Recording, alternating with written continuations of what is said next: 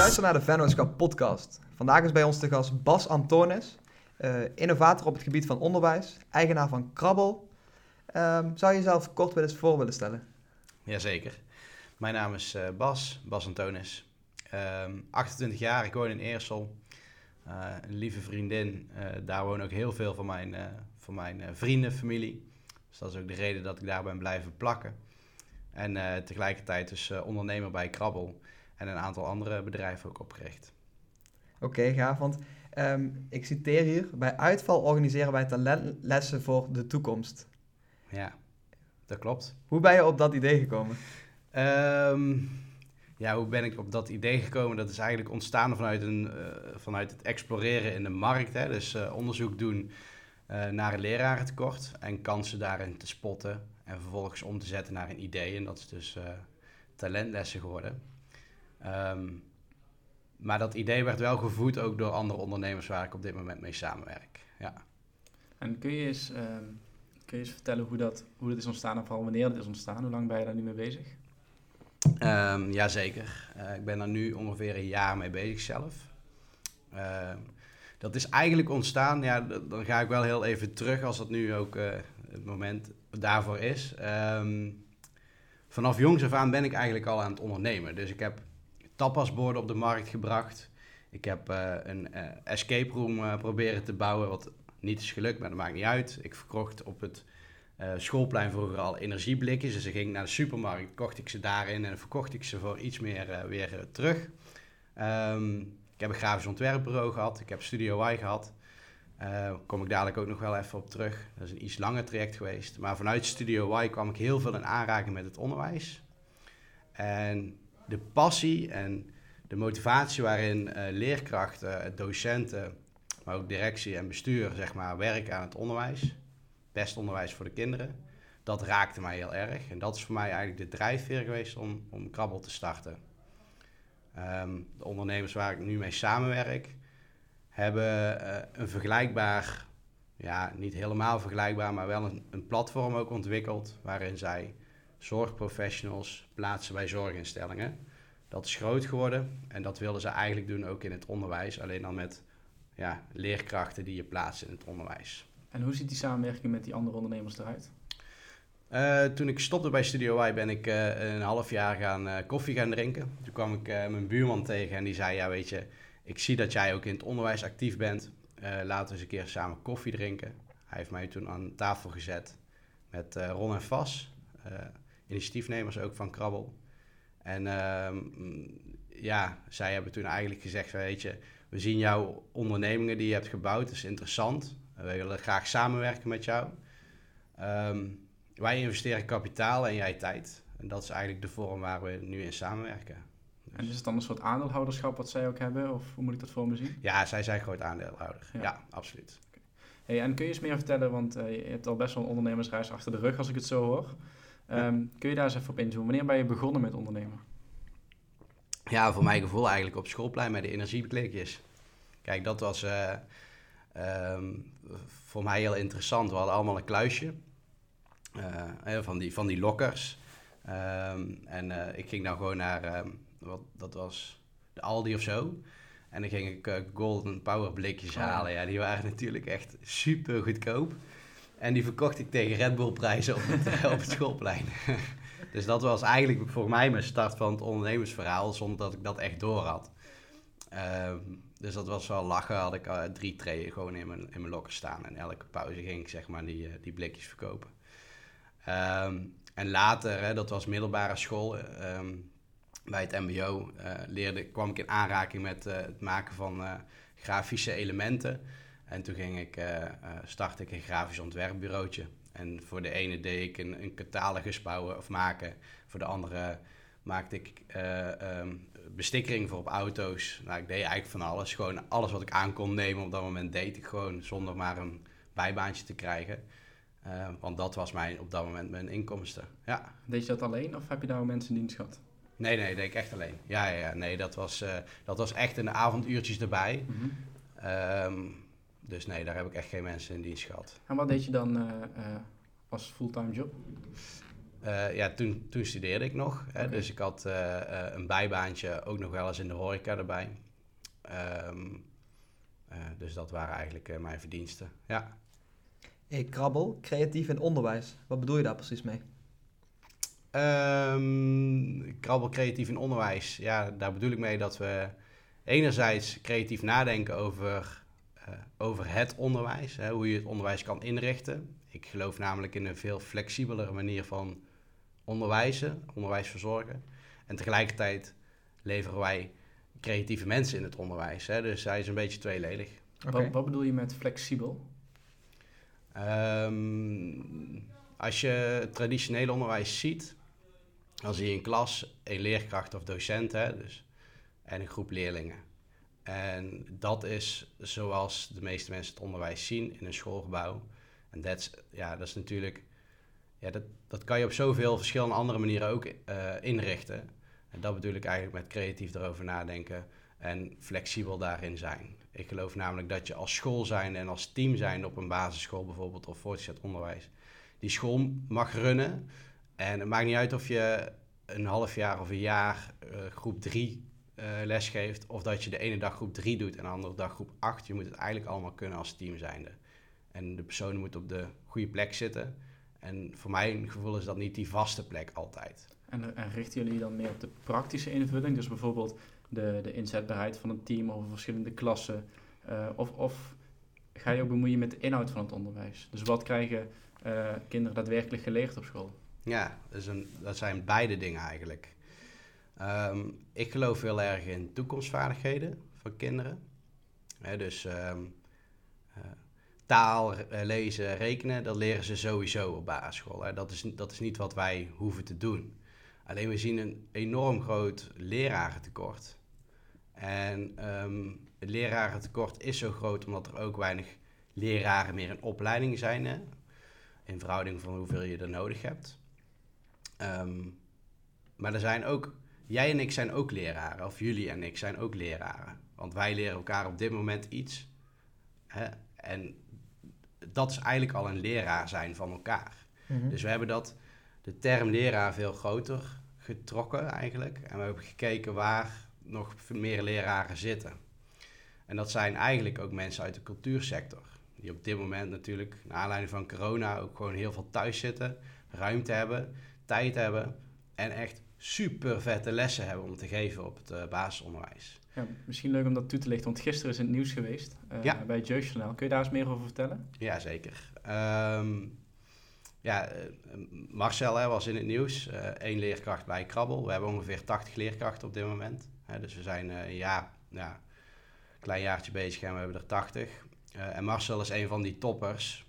Ehm, die had een evenementbureau op het gebied van ja, technische ehm, ehm, elementen waar je eigenlijk teambuilding mee toepast. Zowel in de business, zakelijke sector als in het onderwijs. En dat ligt helemaal op zijn gat. En ehm, hij had ook een onderwijsbevoegdheid. Dus eh, in die zin heeft hij eigenlijk weer teruggepakt naar waar hij vroeger was gestart in het onderwijs.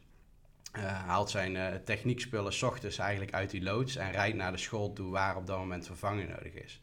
Ja, en dat is zo goud om te zien. En dat zag je dus ook Jeugdjournaal en onlangs ook op het Eindhovens Dagblad of in het Eindhovens Dagblad. Dus de media pikt het ook goed op en dat is wel heel erg lachen. Ja, En die, eh, die onderwijsbevoegdheid, want ik denk dat qua wetgeving, dat is een vereiste, denk ik zo. Dat, die, dat iemand voor de klas mag staan. ja er zit een klein maasje in de wet en daar spelen wij wel op in. Oké. Namelijk te maken met, eh, eh, wat ik al zei, rekenen, taal, lezen krijgen ze toch. Er zijn superveel goede mensen in het onderwijs die, die dat kunnen verzorgen. Ehm, alleen als je gaat kijken naar talentlessen, die wij dus verzorgen, eh, dat gaat, eh, het ministerie heeft daar een handreiking voor geschreven hè, bij het moment van nood, hè, dus als er echt vervanger nodig is. Ehm, eh, dan mag je handvaardigheid, tekenen, drama, al dat soort dingen mag je geven zonder bevoegdheid. Mhm. Ehm, wij worden daar dus ook wel eens op aangesproken, vaak ook door concurrenten. Die zeggen, ja, wij leveren alleen mensen met bevoegdheid. Ja, wat ik dan zeg is, ja, weet je, ehm, die bevoegdheid die zegt zo weinig. Ehm, een diploma zegt zo weinig. Ik heb mijn diploma's namelijk niet af hoeven geven toen ik met die twee ondernemers of drie ondernemers ging samenwerken. Ehm, eh, om krabbel op te zetten. Mhm. Ik had geen verstand van onderwijs. En toch zie ik, zeg maar, in onderwijs kansen. Ook zonder diploma. Nou, en tegelijkertijd zie ik heel veel leerkrachten die bij ons geen diploma hebben, geen bevoegdheid hebben, maar zeker zo goed lesgeven op hun vakgebied dan een andere leerkracht. Dus een diploma is zo weinig zeggend. Het gaat erom, ben je gekwalificeerd of ja, ben je bekwaam eigenlijk om leerlingen iets te leren? En dat is wel waarvoor wij staan. Dus ik sta niet voor een bevoegdheid. Ik, wij screenen iedereen die bij ons, eh, met ons werkt. Die komen allemaal langs. Sommigen ehm, eh, doen ook een proeflesje draaien. Ehm, en op basis daarvan weten wij gewoon, eh, is het een geschikte gast of niet, of dame. Hoe ziet het traject eruit? Stel, ik ben een, eh, ik ben een school en ik zit met mijn handen in het haar, want ik, eh, ik heb een lerarentekort. Ehm wat zijn dan de vervolgstappen? Ja, de eerste stap is dat je eigenlijk gewoon naar Krabbel komt en zegt van ja, weet je, wij hebben problemen. Dat zien we nu en in de toekomst. Het liefste zitten wij dan op bestuursniveau. En het bestuur of een stichting is eigenlijk het overkoepelende waar scholen onder hangen. Eh, dus eh, vaak heb je eh 10 tot 20 eh, scholen in een, eh, in een bestuur. En dan kijken we eigenlijk bestuur breed van oké, hoeveel uitvallen hebben jullie nou op, jaarbasis? En dan zie je vaak dat in deze maanden het uitval het hoogst is, hè, griep, eh, wat winter, wat koud. Eh, dus dan is de uitval vaak het hoogst. Ehm, en met zo'n stichting kijken we dus oké van hoe is het afgelopen jaren bij jullie verlopen. En op basis daarvan doen we vaak een voorstel. En zo'n voorstel kan erop uitzien op basis van invaldagen of aantal leerkrachten die zij ter- beschikking krijgen. Eh, maar het kan ook te maken hebben met oké, wat hebben jullie, wat passen jullie nog niet toe in jullie scholen? Dus geven jullie bijvoorbeeld nog geen techniek of programmeren? Dan zorgen wij dat wij een aanvulling zijn op jullie scholen. Dus we kijken naar het aantal of de hoeveelheid uitval, de vakgebieden die ze op dit moment al toepassen. En we kijken gewoon van oké, welke leerkrachten in jullie omgeving hebben wij al ter beschikking en kunnen jullie voor jullie werken? En dan maken we eigenlijk een voorstel. Hoe, hoe plan je dat dan? Want als bijvoorbeeld in januari zit je met zo'n scholenbestuur en je Ja. maakt dan een prognose van oké, we hebben ongeveer zoveel uitval op een jaar. Jullie spelen daarin met ja, de, de resources die jullie klaar hebben staan. De, ehm, maar je weet nooit of een school morgen uitval heeft of volgende week en voor hoe lang. Dus hoe doe je dat? Ja, hoe plan je dat in? Ja, dat is heel lastig plannen. Ehm, dus in principe een groot gedeelte, of een gedeelte kan je inplannen. Ik zeg niet dat het een groot gedeelte is. Dus je hebt ehm, verzuim wat, wat, eh, ja, wat je in kan schatten. Hè. Denk dan bijvoorbeeld aan een zwangerschap. Daar kan je gewoon op inspelen en dat weet je, dat zie je aankomen. Of zwangerschapsverlof. Ehm, maar als je het hebt over ziekte, dan, dan kan je het eigenlijk niet inplannen. En je weet ook nog niet eens hoe lang het duurt. Dus daarom is het eh, zaak voor ons, als een stichting met ons akkoord gaat, met ons voorstel, dat we daar eh, in die omgeving veel ZZP'ers gaan werven. En die ZZP'ers zijn eigenlijk allemaal mensen die eh, een eigen bedrijf hebben. Hè? Dus die hebben een onderneming in bijvoorbeeld, de een heeft een dansschool, de ander heeft een longboardschool en de ander heeft weer een atelier waar ze kunstwerken maakt. En overdag zijn deze mensen vaak ter beschikking. Eh, dus wij kijken naar hun beschikbaarheid. Zij geven vaak ook beschikbaarheid door, hè, van morgen, overmorgen en dan ben ik beschikbaar voor scholen. Nou, dat zijn dan de eerste mensen die we bellen. Dus we zorgen dat de pool groot genoeg is waar we uit kunnen vissen op het moment dat er echt nood aan de man is. Maar echt inplannen gaat gewoon niet omdat je te maken hebt met ziekte. En daarom is het ook zo'n groot probleem. Scholen kunnen het niet plannen, kunnen het niet overzien. En ehm, ja, je kan ook niet verwachten van een stichting of van een school ehm, dat zij zo'n recruitment platform op gaan zetten voor vervangingen. Hè, dus dat is, dat is niet hun expertise. En zij kunnen ook niet zelf, die, die ZZP'ers in jullie geval, die kunnen zij zelf niet eh, ja, soort van aan hun, aan hun verbinden om in geval van nood eh, ja, in te springen. Dat is lastig voor ze. Ja, klopt. Ja, ja precies. Ik herinner me nog wel dat ehm, als bij ons dan een eh, juf of meester uitviel, dan kreeg je zo'n invaljuf, toch? Ja. En ehm, dan ging het normale lesprogramma ging gewoon door. Maar je wist eigenlijk van tevoren al van dit gaat helemaal nergens over. ja, ja, dat klopt. Ja, maar kijk dat? Ja, Ja. en dan, denk- dan, denk, dan denk je echt van, ehm, ja, Dit wordt leuk. dit wordt leuk, maar dit wordt gewoon een beetje landballen. Ja. En nu kun je dat dus opvangen door inderdaad met iets echt leuks bezig te zijn. Ja. Dat je echt denkt van, oh wauw, morgen gaan we, Ja, weet ik veel, lassen, solderen, Ja. Dansen, drama doen. Ja. Iedereen vond dat toen leuk om juist met die lessen bezig te zijn. Ja, Ja, vandaar, vandaar ook de vraag die ik stelde van, eh zitten jullie met name op de praktische invulling van zo'n flexibel, eh, flexibele oplossing of bemoei je ook met de inhoud? Want we hebben het er heel vaak op kantoor ook over van de inhoud van het onderwijs. En ehm, ja, daar, daar zien we gewoon echt dat het nog heel traditioneel is. Ja. Ja. Taal, lezen, rekenen, tuurlijk heel belangrijk. Maar er zijn ook vakken waarvan ik denk van, hé, hey, Ja. daar zouden hele goede alternatieven voor zijn. Ja, ja. Ehm, wij zelf bemoeien ons niet heel veel met inhoud. Wij maken wel lesprogramma's, maar meer in samenwerking met onze ZZP'ers.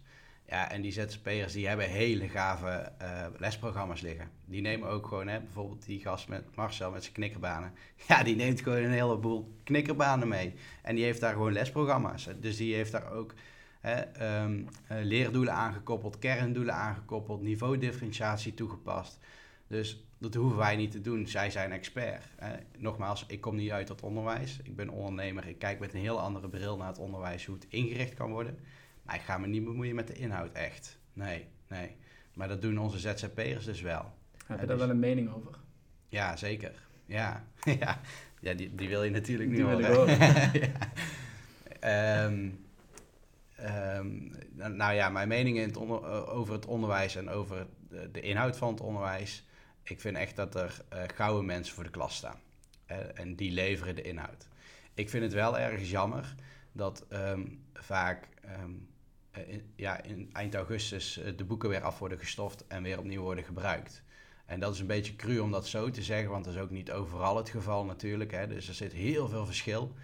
Ehm, maar ik hoop wel dat wij met Krabbel zeg maar, kunnen laten zien dat er een andere manier is om eh, lesprogramma's op te bouwen en te vernieuwen. Ehm, om ook daar zeg maar, ehm, ja, die energie voor te creëren binnen het onderwijs. Dus dat, dat wij niet alleen die talentlessen komen brengen op het moment van uitval, maar dat ze op een gegeven moment gaan zeggen: ja, jullie talentlessen zijn zo vet, we willen ze niet alleen meer op uitval, we willen ze gewoon standaard en we willen ook dat onze leerkrachten dit mee oppakken. Ja, en dat, dat zou goud zijn, want dan lever je dus echt de impact die je wil maken. Ik denk dat dat ehm, genoeg zegt over wat, wat mijn mening is van, eh, van de huidige situatie. Mhm. En eh, we hadden het voor de podcast even over de bankenwereld en over hoe conservatief dat is. Eh, maar ik, ik denk, vast buitenstaander hoor, maar ik denk dat de onderwijswereld in die zin redelijk vergelijkbaar is. Want we doen Ja. curriculums, doen we al jarenlang hetzelfde. Dus hoe zie je dan die ontwikkeling voor je? Want dat kan zomaar nog echt jaren duren. Ja, het duurt ook jaren. Ja, maar eh, als, het, als het jaren met mondjesmaat vooruit gaat, gaat het vooruit. En kan je op een gegeven moment echt een verandering creëren. Ehm, ja, eh, bij mijn vorige bedrijf hebben we ook veel met eh, ministeries, provincies, gemeentes, grote organisaties te maken gehad. Ehm, wereldwijd ook. Dus ik weet wel een klein beetje hoe log de systemen zijn en hoe je daar doorheen kan manoeuvreren. Ehm Eén eh, ja, eh, één ding neem ik altijd met me mee. Ehm, je hebt eigenlijk een beetje die innovators, early adapters nodig, Mhm. zeg maar, die je aan je gaat verbinden om daarmee de verandering te creëren. En als die aan je verbonden zijn, of hè, als je daarmee aan het bouwen bent, dan wordt die groep groter. En op een gegeven moment heb je een tipping point wat je bereikt en dat, dat, dat meerdere mensen daarin mee durven gaan. Nou, dat duurt gewoon heel lang. Maar dat, op zich is het niet erg dat dat lang duurt, want wanneer je het bereikt, bereik je wel iets groots. Zie je wel al die kleine stapjes? Zie je Zeker. in de praktijk? Absoluut. Heb je Ja, daar voorbeelden van? ja weet je, ehm een voorbeeld is gewoon onze, ja, ehm, een van, een van een heel toffe klant eigenlijk. Hè? Dus dat is eh, openbare basisscholen Helmond. Eh, de bestuurder daarvan en, en, en zijn club, ehm, die hebben gewoon aangegeven, ja weet je, wij geloven in krabbel, wij gaan jullie helpen ehm, om, om, om door te ontwikkelen als jullie ons helpen met vangstproblematiek. Ehm ja, en die gasten zitten er zo goed en innovatief en vernieuwend in. Eh, die denken overal over mee. Die haken ook nieuwe bestuurders aan. Ehm, die haken zelfs ook eh, bijvoorbeeld primair onderwijs, PO, hè, eh, PO-raad haken ze aan. Nou, dat soort clubs, als die eh, mee gaan denken en als zij een ambassadeurrol daarin spelen, dan merk je wel gewoon dat dat, ja, dat, dat de pioniers zijn die je nodig hebt, zeg maar, om dit bedrijf een boost te geven. Ja. Zou je dit ook nog uit kunnen rollen naast de basisschool ook naar ehm, middelbare school of naar een ROC of een HBO? Ja, 100%. Dat is ook wel ons doel. Ja. ja. Dat kan ik me goed voorstellen, want wij hebben het al over gehad dat bepaalde dingen waar wij nu met zelfontwikkeling heel erg mee bezig zijn, die komen nooit, daar heb ik nog nooit van gehoord op school. Ja, En ehm, ik ben ook wel benieuwd hoe je daar tegenaan kijkt. ja, Eh, dan heb ik het bijvoorbeeld, ja, wij hebben het gehad over beleggen, visualiseren, mediteren, persoonlijke groei, maar ook bijvoorbeeld hoe gezondheid. En dan heb ik het niet over ehm, wat een bepaald eh, deeltje in je lichaam is, maar meer over hoe je mentaal en fysiek gez- gezond kunt worden en wat je daaraan kunt doen. ja. Ik als persoon of in het onderwijs? Wat, welke kansen dat jij nog denkt of welke ambities dat jij hebt ehm, eh, op dat vlak. Ja, nou ja, ehm, kijk, nu zeggen wij heel groot op onze website talentles eh, bij uitval. Ah, onze echte ambitie is om een landelijke, misschien nog wel groter talentenbank te ontwikkelen, waarin je mensen kan boeken of zoeken en boeken met een speciale expertise. Dus dat kan ook een expertise zijn in bijvoorbeeld voeding of gezondheid, of in dus meditatie en rust, of in eh, persoonlijke ontwikkeling of leiderschapstijl of wat dan ook. Hè. Dus ehm, onze ambitie is groter dan in het primair onderwijs vervangingen verzorgen met talenten. Eh, nou, we zijn dus een platform aan het ontwikkelen waar je mensen kan zoeken en boeken. En we krijgen nu ook al aanvragen van het voortgezet onderwijs van ja, wij zien jullie, eh, wij zien jullie lessen. Eh, kunnen wij die ook gewoon zo inkopen? Hè? Dus ze zijn zo interessant. Wij willen ze gewoon hebben. Ehm, en dat, dat maakt het super interessant. Als je naar mij persoonlijk kijkt, hè, rondom voeding, sport, eh, eh, gezondheid, eh, denk ik wel dat ik daar nog veel van kan leren. Ook in meditatie, rust. Dat heb ik denk ik te weinig als persoon, als ondernemer. Daar heb ik echt, ja, daar moet ik meer aandacht voor hebben. Ja, ik denk dat hier eigenlijk zo gigantisch veel kansen liggen. Want dit is waar wij het heel vaak over hebben. Ja. Ehm, dat kan enerzijds in de kroeg zijn, maar gewoon in onze vrije tijd denken we dan van... Hoe kan het dat mensen dit nog niet weten? Ja, En wat niet weten. ja, wij lezen dan bijvoorbeeld boeken. We zijn nu eh, ehm, Oh, met z'n drieën bezig geweest met Master Your Mindset, met Ja. doelen stellen. Ja, Dan denk ik echt zo jammer. Als, als dit op school werd gegeven, had ik zo goed opgelet. Ja, precies. Ja, ja, ja, nee, ja 100%. En daarom zijn eh, gastdocenten ook zo interessant. Iedereen heeft wel iets, iets, iets boeiends te vertellen. Al is het iets eigens, al is het iets, ja, eh, een model of, of, of wat dan ook, of een boek dat ze meenemen. Je haalt er altijd iets uit. Ehm, Dus je wil eigenlijk ook die stap van, want een lerarentekort of uitval van leraren is eigenlijk noodgedwongen op zoek gaan naar vervanging. Ja. Dat is waar jullie nu meer voorzien. ja, Maar je wil eigenlijk liever dat die scholen proactief bezig gaan zijn, bijvoorbeeld op jullie platform van hey, wat kunnen we onze eh, studenten of, of, of leerlingen, wat kunnen we extra bieden? En dat jullie daarin faciliteren met jullie mensen. ja, ja. Ja, dus in die zin eh, is het een marktplaats straks waarin je eh, interessante mensen kan boeken. En dat kan dus zijn voor een kind van vijf. Maar dat kan dus ook gewoon zijn voor het volwassen onderwijs. Ja, Ja. zeker. Grappig om En- te zien dat in elke sector die marktplaatsen steeds eh, belangrijker worden. Ja, boeiend hè? Ja. Ja, vind ik ook. Eh, Ik merk ook wel dat het eh, ehm, zeer complex is. Hè? Dus je hebt eigenlijk eh, eh, twee klanten. Eh, Ja. Of twee klantgroepen. Hè? Dus, eh, en je moet van beide klantgroepen eigenlijk iets weten. En je moet ze bij elkaar proberen te brengen. En zij moeten elkaar ook begrijpen. Dus het is echt wel heel complex om een eh, online marktplaats eh, te ontwikkelen. Het moet win-win zijn.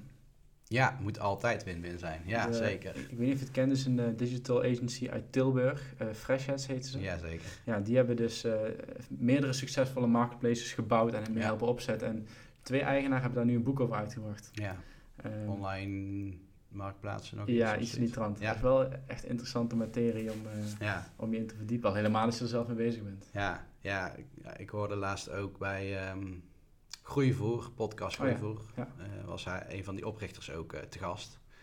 Ja, weet je, dat zijn super interessante verhalen en daar, daar leer ik dus heel veel van als persoon bij het ontwikkelen van dit platform. Ja. Want, oké, want, want waar, hoe ziet jouw week er dan uit? Waar ben je allemaal mee bezig? Wat zijn jouw taken? Ja, toen ik eh, Emiel in een van de voorgaande podcasts hoorde, toen dacht ik echt, wow, respect. Ehm, jij hebt het zo gestructureerd. Eh, Je begint je dag altijd hetzelfde. Je hebt in de ochtend altijd hetzelfde plan, in de middag eh, afspraken. Ja, als je bij mij kijkt, is het gewoon één grote rommel. Één grote... ik doe alles intuïtief. Ik doe alles intuïtief. En dat, dat is ook wel wat, wat het af en toe eh, ehm, zwaar kan maken. Omdat je dus, eh, als je structuur aanneemt in je dagen, neem je ook rust aan in die dag. En eh, dat is bij mij niet altijd het geval. Dat bedoelde ik net ook aan te geven met, daar moet ik gewoon wel zelf aan werken.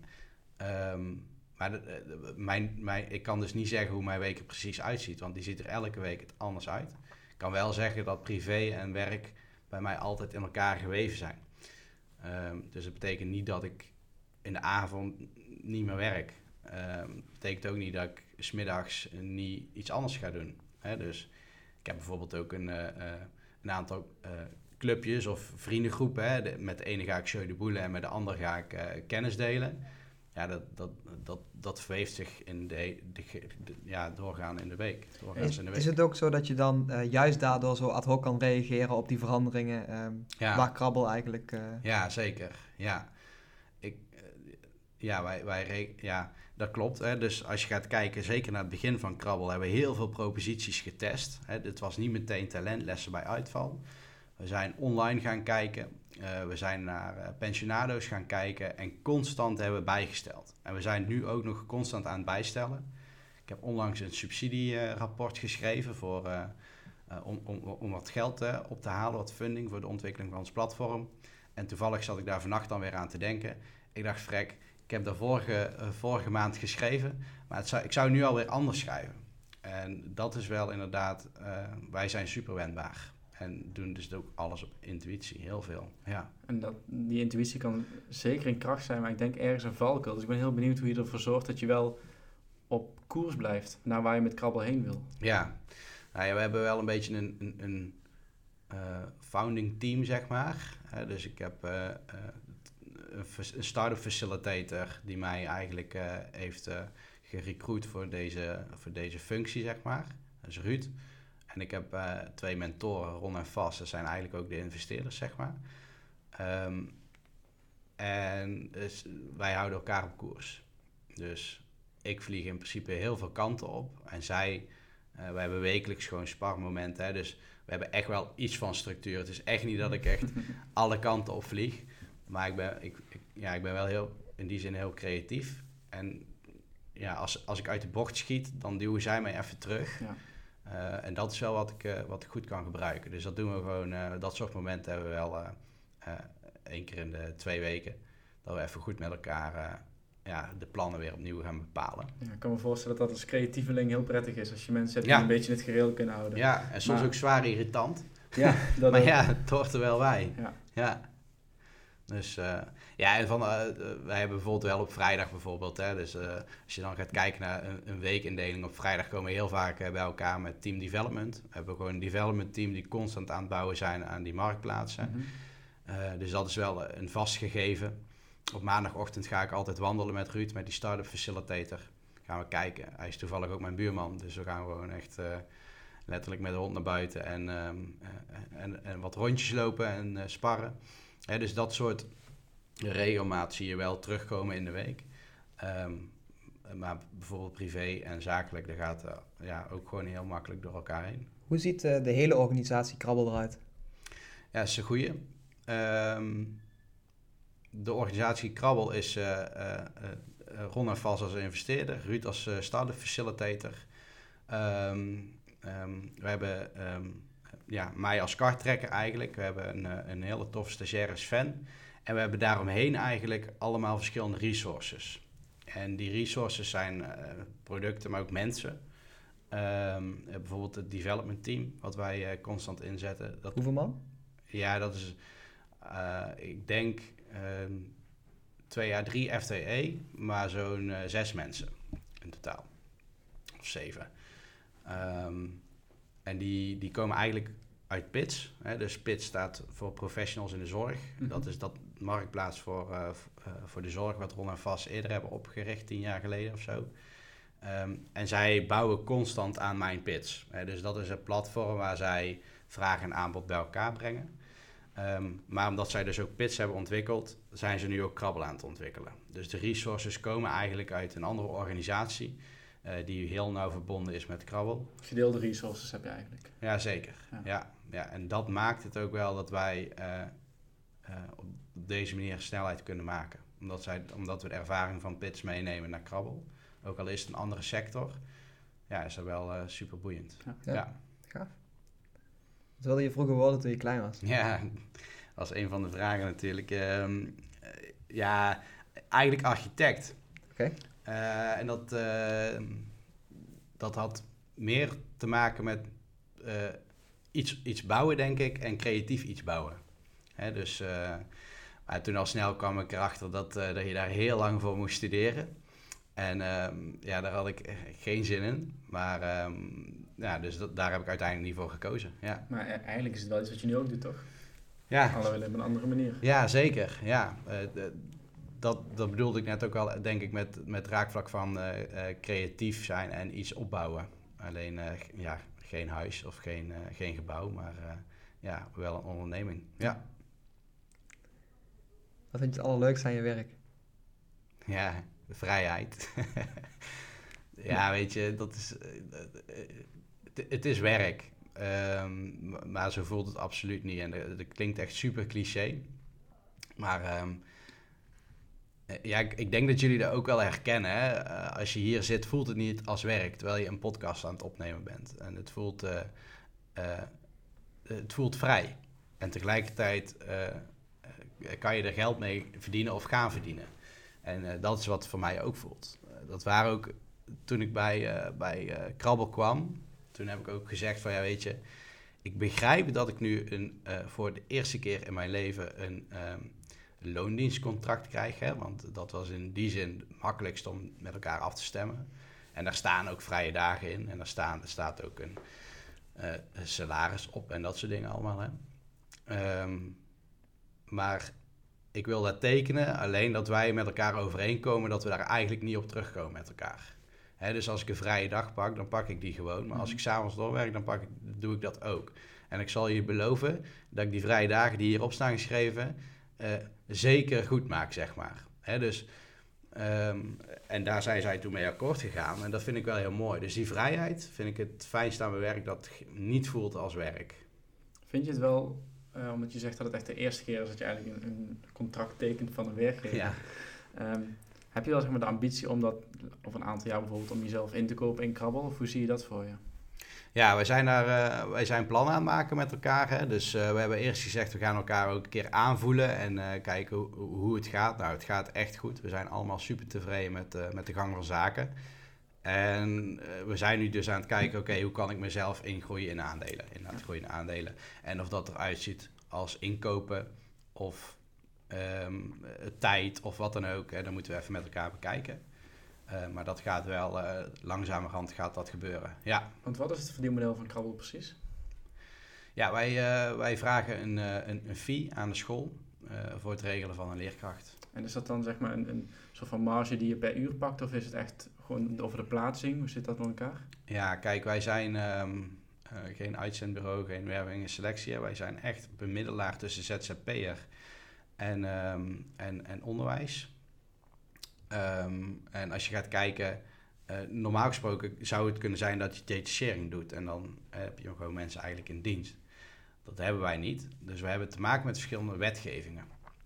Eh dat heet wet DBA, maar ik kan er het een en ander over vertellen. Maar daar wordt de podcast niet leuker van. maar in ieder geval, wij mogen eigenlijk... eh, eh, ehm, ehm, eh, eh, ja, wij mogen een, een service fee vragen aan de school. Eh, en dat zijn dus ook twee factuurstromen. Dus eh, z- eh, ZZP'er factureren direct aan de school en wij factureren direct aan de school. Dus wij hebben geen afdracht of zo van de ZZP'er in die zin. Omdat het voor de wet DBA het beste, wat ons betreft, het beste uitkomt. En heb je wel dan overeenkomsten met die ZZP'ers? Eh, wij niet, de school wel. Dus dat is ook onderdeel van platformen. Dus als, als de school ochtends een, een uitvraag doet van we hebben iemand nodig. En de ZZP'er reageert erop van joh, ik kan. Eh, dan wordt er eigenlijk automatisch een opdracht van overeenkomst gemaakt. Zoals jij bijvoorbeeld als eenmanszaak ook overeen kan gaan met een ander bedrijf. Mhm. Ehm, die wordt op dat moment gewoon geaccordeerd door beide, eh, ja, beide personen. En dan hebben ze een opdracht zonder dat Krabbel daar in principe tussen zit. Maar wij verlenen wel de service van die snelheid. Jullie faciliteren die overeenkomst als. Precies, ja. En wij hebben dan weer een opdracht overeenkomst met die school. Dat hoe vaak wij matches slaan, Mhm. dat daar gewoon voor wordt betaald. Ja, en is dat dan bijvoorbeeld op dagbasis of is dat... Ja, zijn dagbaas En dat hebben we eigenlijk gedaan omdat wij binnen de scholen, ehm, hè, dus eh, wat je heel vaak ging krijgen is als er een leerkracht uitviel, dan kwam er een hele dure ZZP'er terug en die vroeg echt bakken met geld, omdat hij dat op dat moment ook kon vragen, omdat ze Mhm. gewoon iemand, iemand nodig hadden. En dan krijg je wel scheve gezichten binnen de school, want ja, de ene die heeft een loondienstcontract en die verdient dus aanzienlijk minder dan die ene die één dag in de week komt. Ehm, dus wij hebben gezegd, we kijken, eh, we snappen dat het een ondernemer is en dat hij nog het een en ander af te dragen heeft. Ehm, dus we willen hem ook echt niet hetzelfde salaris geven als iemand, een groepsleerkracht. Maar we willen dat wel eerlijk naast elkaar zetten. Ehm, en dan hebben we eigenlijk een range bepaald waarin een school zeg maar kan aangeven... voor dit bedrag willen we vandaag iemand hebben. En dan is het gewoon een dagbedrag, een, Ja. een dagtarief. Ja. En hoe zorg je ervoor, want je doet een uitgebreide screening vooraf met die ZZP'er. Ja. Dus eh, ja, je, gaat wel degelijk, je maakt wel degelijk kennis met elkaar voordat je iemand wegzet bij een school. Maar hoe zorg je op de lange termijn voor die kwaliteitsgarantie? Heb je vaker zeg maar, checkmomenten met zo'n ZZP'er of hoe zit dat in elkaar? Ja, zeker. We hebben checkmomenten met ZZP'er en met de scholen. Dus eh, vooraf met de ZZP'er. Ehm, eh, ja, je kent het wel. eh, cv's, diploma's, eh intakegesprek, eh, kijken naar ervaringen. Ehm, eh, maar je hebt ook eh, eh, een VOG nodig, verklaring Mhm. omtrent gedrag. Al dat soort zaken eh, we, moeten we afstemmen. Eh, dus dat is best wel wat werk voordat eh, een ZZP'er echt aan de slag mag. Ehm, op dat moment proberen wij de ZZP'er te plaatsen. En vragen we ook gewoon naar duidelijke evaluaties bij de school en bij de ZZP'er. En dat wordt ook wel onderdeel van het platform. Hè? Dus als je, net zoals op Booking.com een hotel, een rating kan geven, kan je dat straks bij een ZZP'er Ja. bij ons ook. Maar ook bij een school. Twee kanten moeten geëvalueerd worden om, ja, om onze dienstverlening gewoon eh, goed te houden. En liggen die screeningsgesprekken en de evaluaties en eigenlijk alles wat daarbij, daarmee te maken heeft, ligt dat allemaal op jouw bordje? Ehm, grotendeels. Ja, Eh, ja ik, ik werk dus nu heel actief met, eh, met Sven. Ehm, maar die heeft dus ook zijn schoolopdrachten erbij. Mhm. Eh, en dat is ook wel een van de redenen waarom we nu een, eh, een sollicitant of sollicitatieproces eigenlijk zijn gestart. Waarop eh, verschillende mensen hebben ingeschreven om community builder te worden. Hè. Dat bedoelen we eigenlijk het recruiten van nieuwe ZZP'ers mee, maar ook het onderhouden van die contacten. Ehm, het zorgen dat, dat zij ochtends ook gebeld worden als de school iemand nodig heeft. Hè. Dat, ja, dat ligt op dit moment grotendeels op mijn bordje. Ehm, en aan de andere kant komt er binnenkort ook een vacature voor, eh, voor de sales. Om dat verder uit te breiden, omdat we echt wel Nederland willen gaan, gaan veroveren. Ja. Ja. En hoe, hoe, groot is met, hoe groot is het matchingspercentage als een school bijvoorbeeld vandaag of, of eigenlijk vanochtend een vraag uitzet? Hoe groot is de kans dat de school vanmiddag een, eh, een eh, leerkracht op de, op de stoep heeft staan? 100%. Ja, dat moet je hebben. Ja, ja, we hebben alles nog gedekt. Dus ehm, ja, weet je, ehm, dat is ook ons ook wel ons doel. Dat we alles kunnen vullen. Eh, met kwaliteit. Mhm. Hè? Dus eh, op dit moment is het 100%. Ik kan niet garanderen dat dat altijd 100% zal blijven. Zeker ook als we dadelijk echt eh, de groei eh, gaan doormaken die we eh, in de planning hebben zitten, kan ik me voorstellen dat dat een keer niet kan. Maar we streven echt naar 100%. Eh, ja, want dat is wel de reden waarom klanten hier bij je terugkomen. Ja. Ik bel gewoon echt, ja weet je, daar, daarom is mijn privéleven en mijn zakelijk leven zo in elkaar ge- gewoven. Zeg ik dat goed? Hm? Ja. En ehm, eh, ze bellen mij dus gewoon om half zeven, tussen half zeven en zeven uur eh, komen de belletjes. Eh, en dan moet ik gaan matchen. Mhm. En dat doe ik nou nog allemaal handmatig. Straks moet dat natuurlijk vol- volgens de online platform. Nou, en dan begint om 9 uur of half tien, begint mijn werkdag. En maar daar heb ik eigenlijk al twee uur op zitten. Hè? En twee uur van hectiek. Ja. Ja. Je kan je voorstellen dat als je mensen wakker moet bellen, dat het niet per se heel grappig is. Maar wel, ja, weet je. Of dat je zelf soms wakker gebeld wordt, Ja. andersom. Soms, gewoon bijna elke dag. Dus, ehm, en dan begint om 9 uur je werkdag. En eigenlijk na het eten begint datzelfde ritueeltje. Want dan beginnen mensen zich al niet lekker te voelen of zo. En dan denken ze, oh, eh, morgen kan ik niet. Ja. Dus ik bel vast de directeur op dat ze iemand anders moeten regelen. Dus zowel s ochtends als s avonds staan wij aan om, om vervangingen te regelen. Eh, en overdag hebben we gewoon onze werkdag. En hoe is je Yes. dekking dan eh, eh, in Nederland qua scholen? Nou, we zitten op dit moment voornamelijk in Noord-Brabant. Dus we hebben in Noord-Brabant een aantal stichtingen aangesloten. Mhm. En we zijn nu aan het verkennen naar Limburg, Gelderland. N- ja, naar die provincies eigenlijk. We zien ook wel Rotterdam dat dat daar een beetje begint te ontwikkelen. Ehm, en dat heeft eigenlijk te maken met dat we ZZP'ers dubbel kunnen inzetten. Dus als we ontwikkelen in Noord-Brabant... ehm, en we hebben bijvoorbeeld ZZP'ers in de omgeving van Maden... Tilburg Maden... dan zou je ze eventueel daar ook nog eh, naar het eh, westen eh, toe kunnen trekken, weet je wel. Ook al is het dan even wat meer reistijd. Ehm, je kan wel ZZP'ers dubbel inzetten, dus we moeten echt regionaal gaan groeien. Mhm. Eh, als wij nu bijvoorbeeld in Friesland een nieuwe, ehm, ja, een nieuwe school aantrekken of een nieuwe stichting, dan moeten we daar opnieuw ontwikkelen op ZZP'ers. Ja. Dus dat is eigenlijk onze groeistrategie. Ehm, dus nu Noord-Brabant, eh, Gelderland, Limburg een beetje, Rotterdam ook een beetje. En dat proberen we nu eigenlijk te verspreiden, zeg maar, dadelijk naar, eh, naar Nederland breed. Maar dan hebben we echt wel gewoon echt meer mensen nodig. Precies. En daar zijn we dus nu mee bezig. Want, want hoe snel zie je dat gebeuren, die, die verspreiding van die olievlek? Ehm, eh, ja, eh, olievlek, ik zie het eigenlijk liever- als virus bijna. Eh, om, ja, in, ieder geval deze- weg corona.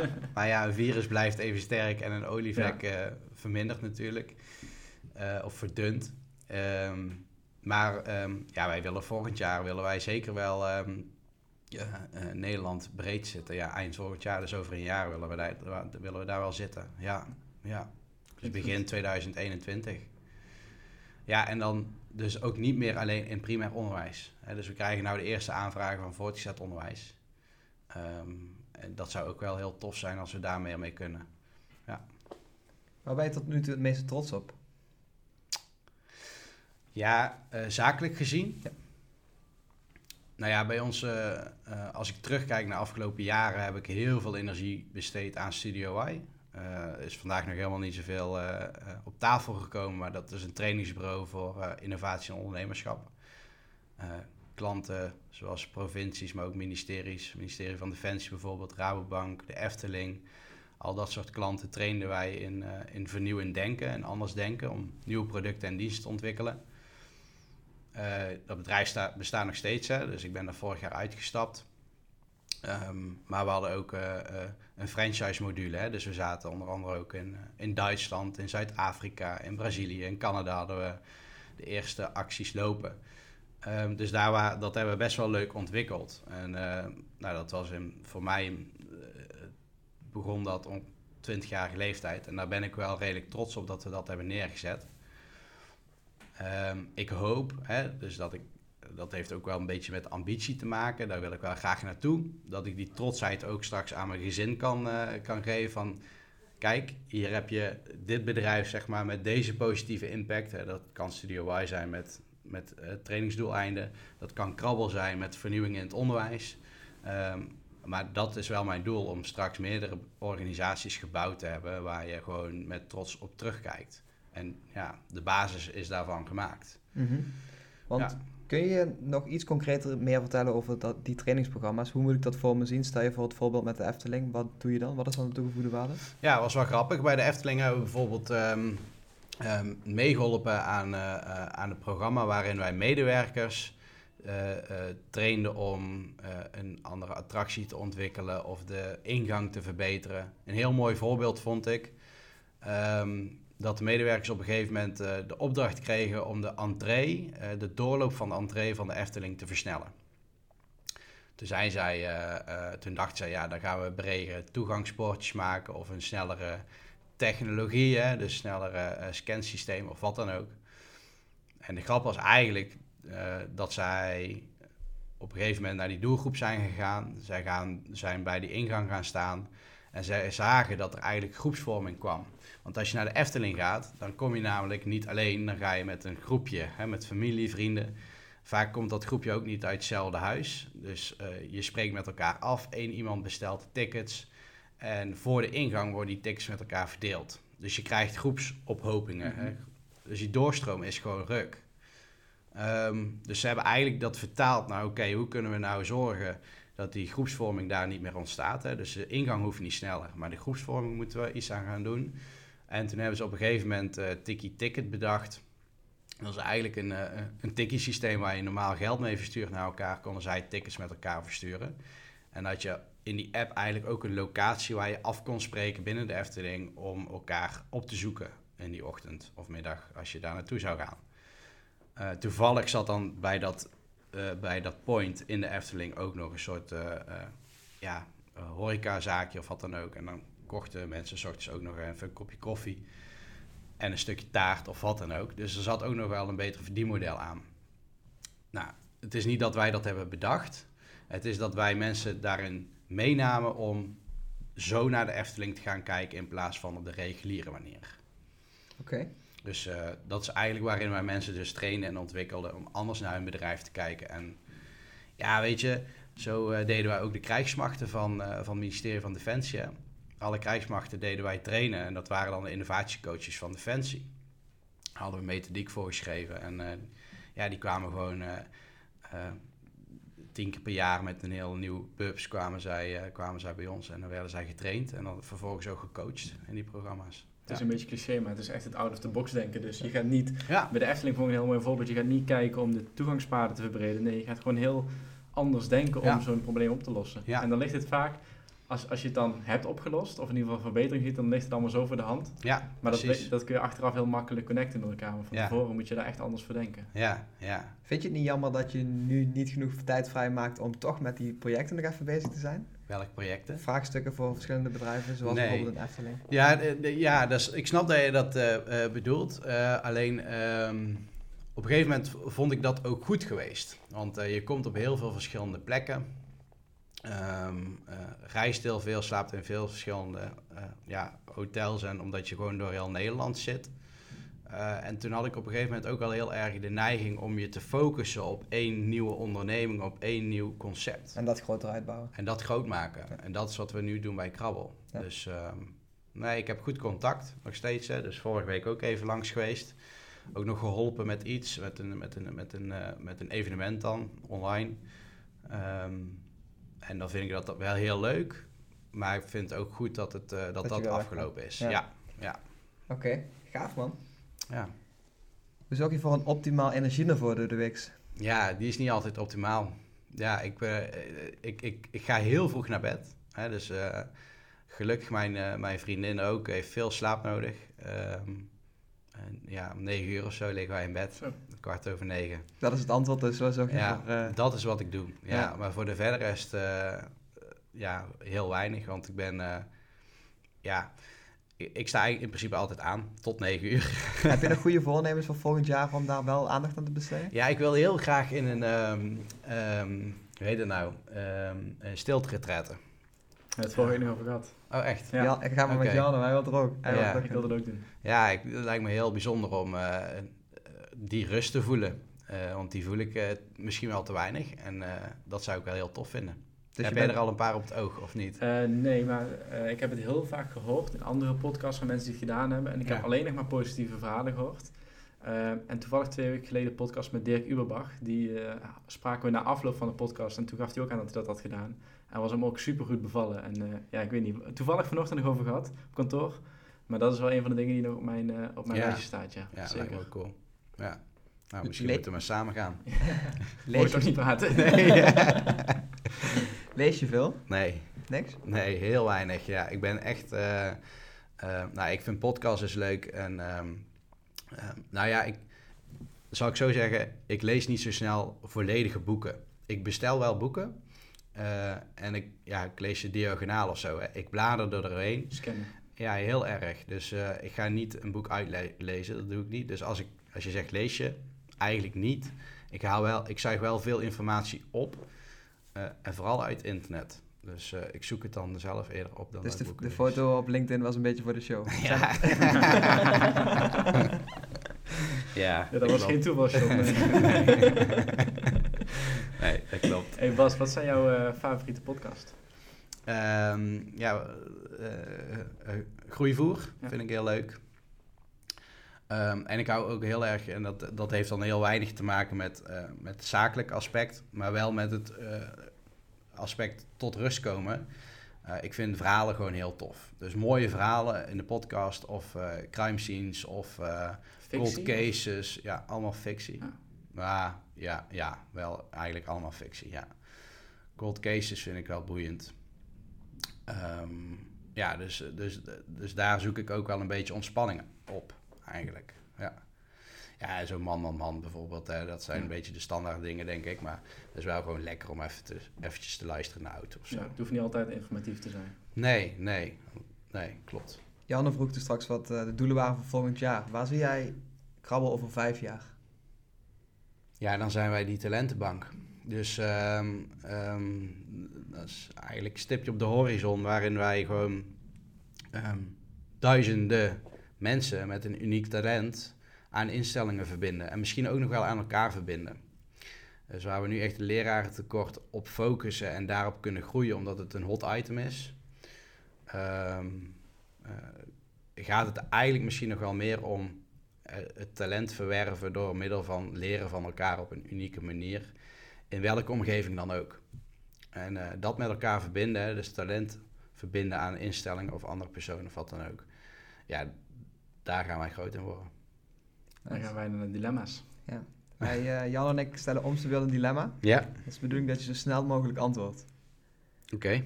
Amsterdam of New York? Amsterdam, Bellen of whatsappen?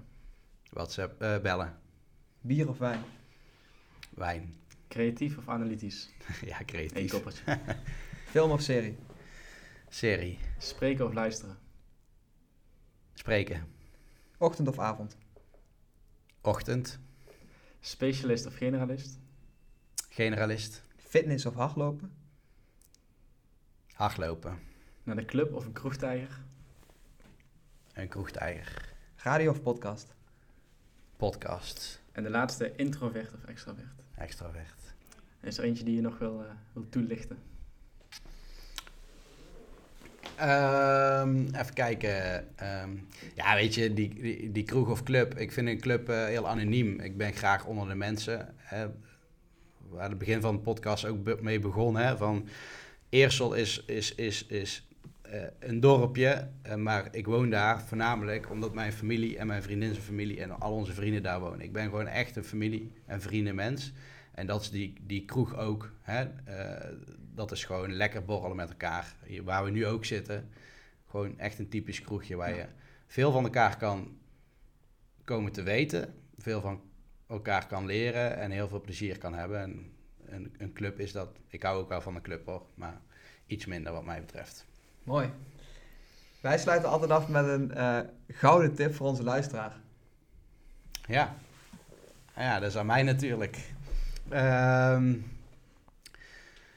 ehm, ja, weet je, ik, ik, ik, ik, ehm, ik vind het altijd heel belangrijk om te... Kijk, als je, als je zakelijk iets wil opzetten, om te experimenteren. Hè, dus om te testen wat wel werkt en wat niet werkt. ehm, eh, te valideren wat wel en wat niet werkt. En daarop je business te gaan bouwen.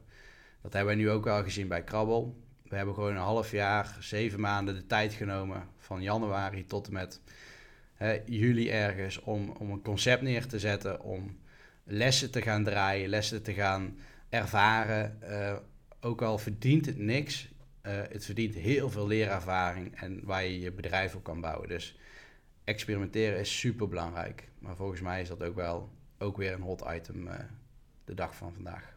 Gaaf. We sluiten hem daarmee af. Oké, Dat was het weer voor vandaag. dankjewel. Bedankt. Jullie ook bedankt. Mooie aflevering. Ja, zeker. En ik ben blij dat we een aflevering over het onderwijs hebben gehad. Want die stond al lang op ons, eh, op ons lijstje om dat onderwerp eens een keer eh, te bespreken. Dus, eh, Ja. Ja. ja, bedankt daarvoor. Bedankt voor het luisteren.